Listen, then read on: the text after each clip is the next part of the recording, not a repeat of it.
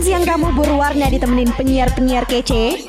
Kamu harus dengerin Your Song at Lunch. Streaming on radio.mercubuana.ac.id slash streaming.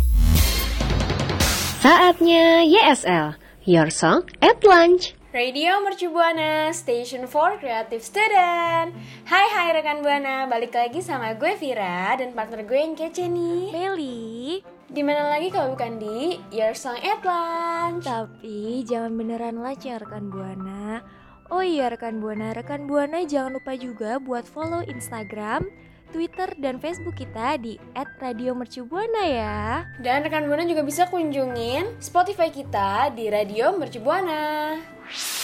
Radio Mercu Buana. Wah rekan Buana nggak kerasa banget nih kita udah di penghujung bulan puasa aja nih. Gimana nih rekan Buana udah mulai cari-cari baju lebaran belum? Nah, bener banget Mel. Kalau kita kan lebaran-lebaran gini biasanya pada nyiapin baju lebaran gitu kan, pada beli-beli belanja-belanja baju lebaran. Kalau sendiri udah ngeborong apa aja nih Mel? Kalau gue sih yang pasti kayaknya udah ngeborong satu mall baju gitu deh. ya ampun banyak banget ya bun ya, gue belum sempet nih. Bercanda bercanda. Duh enak ya rekan buana. Tapi nih bisa kali ini kita minta satu baju ke Meli Boleh, boleh. selusin bisa kali kan ngeborongnya semua ya Tapi nih Fir, ngomong-ngomong soal yang baru-baru kayak baju lebaran, rekan Buana ngerasa gak sih kalau kita perlu juga nih menu buka puasa yang baru biar nggak bosen-bosen aja gitu. hmm, bener juga ya karena pasti buka puasa tuh nggak jauh-jauh dari kolak gorengan atau es buah gitu kan jadi perlu nih sesuatu yang baru biar kita nggak bosen Bener banget tuh Fir, tapi nih rekan Buana, rekan Buana jangan pusing karena gue sama Vira bakal eh, kasih saran ke rekan Buana tentang menu baru buka puasa yang bisa rekan Buana coba. Nah, yang pertama nih rekan Buana yaitu ada singkong goreng crispy. Jadi nih buat rekan Buana yang bosen sama gorengan bakwan atau tempe, bisa banget bikin olahan singkong crispy yang bikin gorengan rekan buana tuh jadi kayak beda gitu suasananya. hmm, bener banget kayaknya enak sih nih singkong goreng crispy soalnya kan biasanya kalau di tukang-tukang gorengan gitu singkongnya cuman langsung digoreng biasa gitu aja kan ya Iya iya betul banget. Terus juga kalau di abang gorengan tuh biasanya singkongnya tuh kayak eh, alot gitu nggak sih? Iya iya bener banget bener banget sering-sering terjadi sih itu di kota-kota besar. Nah yang kedua ada apa tuh Fir? Nah yang kedua ada kentang bakar nih. Kentang bisa jadi alternatif takjil yang kekinian dengan aneka ragam penyajian yang bisa rekan buana coba nih. Kalau bosen sama olahan kentang yang direbus atau digoreng gitu-gitu aja, biar lebih menarik, rekan buana bisa makan kentang bakar loh. Sama kayak singkong bakar juga rasanya. Kentang kaya akan karbohidrat yang bisa memberikan efek kenyang sementara saat dikonsumsi. Uh, pas banget sih ini buat buka puasa. Bener banget sih Fir. Dan gue juga kayak baru dengar gitu loh ada kentang bakar yang pastinya sih menu ini bisa bikin eh, buka puasa rekan buana jadi beda Gue juga gitu. baru dengar sih kentang bakar. Iya bener banget tuh Fir Nah yang ketiga nih rekan Buana ada dengan rekan Buana bisa bikin cireng Cireng variasi gitu deh Nah takjil kekinian ini tuh bisa eh, bikin rekan Buana eh, kayak nyalurin kreativitas rekan Buana gitu Jadi kayak cirengnya tuh diisiin sama ayam sosis, bakso, ataupun daging sapi juga bisa loh rekan Buana Hmm, enak banget. Cireng itu salah satu makanan kesukaan gue juga tau gak sih Mel? Lagi cireng isi-isi gitu, ah jadi kangen. Jadi pengen buat deh habis. Bener banget tuh Fir, dibanding beli ya kan Nah, habis itu yang keempat ada kue dorayaki Doraemon. Kue dorayaki ini jadi takjil kekinian dengan aneka macam varian rasa yang wajib rekan buana coba. Rekan buana bisa ngebuat variasi favorit topping, entah menggunakan selai atau cuman meses. Pembuatannya pun terbilang gampang nih, nggak susah-susah banget kan cuma model teflon sama bahan-bahan yang bisa kita cari mudah banget ya pokoknya. Di pasar-pasar juga ada. Wah bener banget tuh Kayaknya emang kue Doraemon ini Dorayaki ini nih Bisa banget nih jadi referensi rekan Buana yang bosen sama takjil itu-itu mulu Nah tapi nih rekan Buana selanjutnya itu juga ada dengan Rekan Buana bisa banget bikin pisang nugget Nah, pisang nugget ini kan pasti kayak semua orang suka gitu kan, apalagi kita tuh bisa kreasiin toppingnya tuh dengan berbagai rasa. Jadi, topping yang manis ini tuh pas banget nih buat nemenin bukaan rekan Buana. Iya bener, apalagi pisang nugget kan manis-manis gitu ya. Pas banget nih buat berbuka-buka dengan yang manis. Nah itu dia rekan Buana. 5 aneka tajil kekinian yang bisa rekan Buana buat sendiri di rumah dan dinikmatin bersama keluarga waktu buka puasa jadi buka puasanya nggak melulu sama gorengan-gorengan, sama kolak, sama es buah doang. Bener banget nih, apalagi di bulan Ramadan ini kan bulan yang spesial ya Jadi kayak gak salah banget nih buat rekan Buana cobain menu-menu spesial di rumah bareng keluarga yang pastinya Selamat mencoba rekan Buana. Kalau misalnya rekan Buana udah coba, coba dong kasih lihat ke kita dan mention kita di Twitter. Jangan lupa pakai hashtag YSL. Radio Mercu Buana. Rekan Buana biasanya eh, di masa-masa bulan puasa gini waktu siang-siang nggak ada kegiatan, biasanya ngabisin kegiatan buat ngapain sih? Kalau gue sendiri sih ya, biasanya sih nonton-nonton film gitu. Kalau lu ngapain Mel? Kalau gue sih biasanya nonton film drama Korea gitu, Fir Kan pasti seru tuh Ah iya bener-bener bener. Gue juga sih nonton drama Korea-Korea gitu. Nah bener banget tuh. Kalau siang-siang kan emang kita tuh sering mager gitu kan buat keluar. Jadi gue tuh emang lebih kayak buat nonton film aja.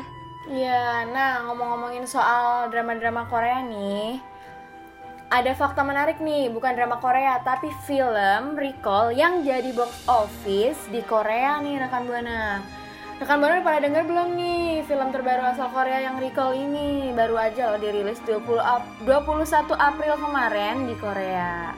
Wah berarti belum masuk resmi ke Indonesia dong Fir? Belum, sabar-sabar aja nih ya rekan Buana Karena film ini belum resmi masuk ke Indonesia. Hmm, jadi rekan Buana harus bersabar banget nih. Nah, ngomong-ngomong tentang uh, fakta menarik nih, Fir.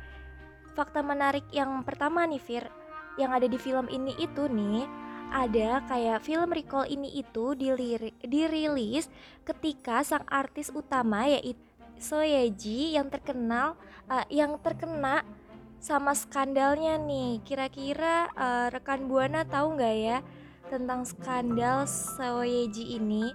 Nah, kalau belum tahu nih rekan Buana, mungkin Vira bisa kasih tahu nih. Oh iya, skandalnya tuh kalau nggak salah yang kemarin dia sama mantannya itu bukan si Mel Nah, iya, Yang dia ternyata posesif banget nah iya bener banget tuh Fir. Tapi nih, meskipun Soyeji ini tidak terkena kayak skandal gitu, tapi eh, dia ini tetap eh, kayak profesional banget nih sama film barunya ini. Jadi eh, sutradaranya ini bilang kalau misalkan kontroversi Soyeji yang beredar itu tuh nggak menyurutkan kayak eh, keprofesionalan dia gitu.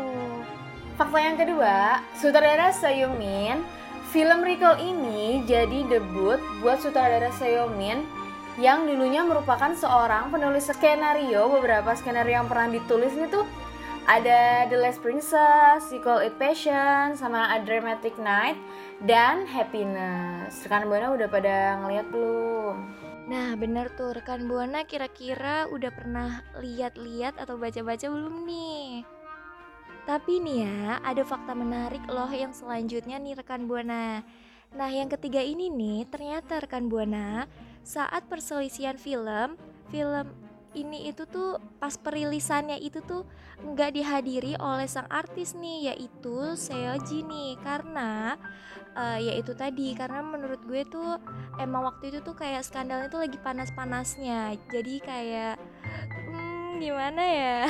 Sayang banget ya rekan Buana. Heeh, bener banget tuh Fir.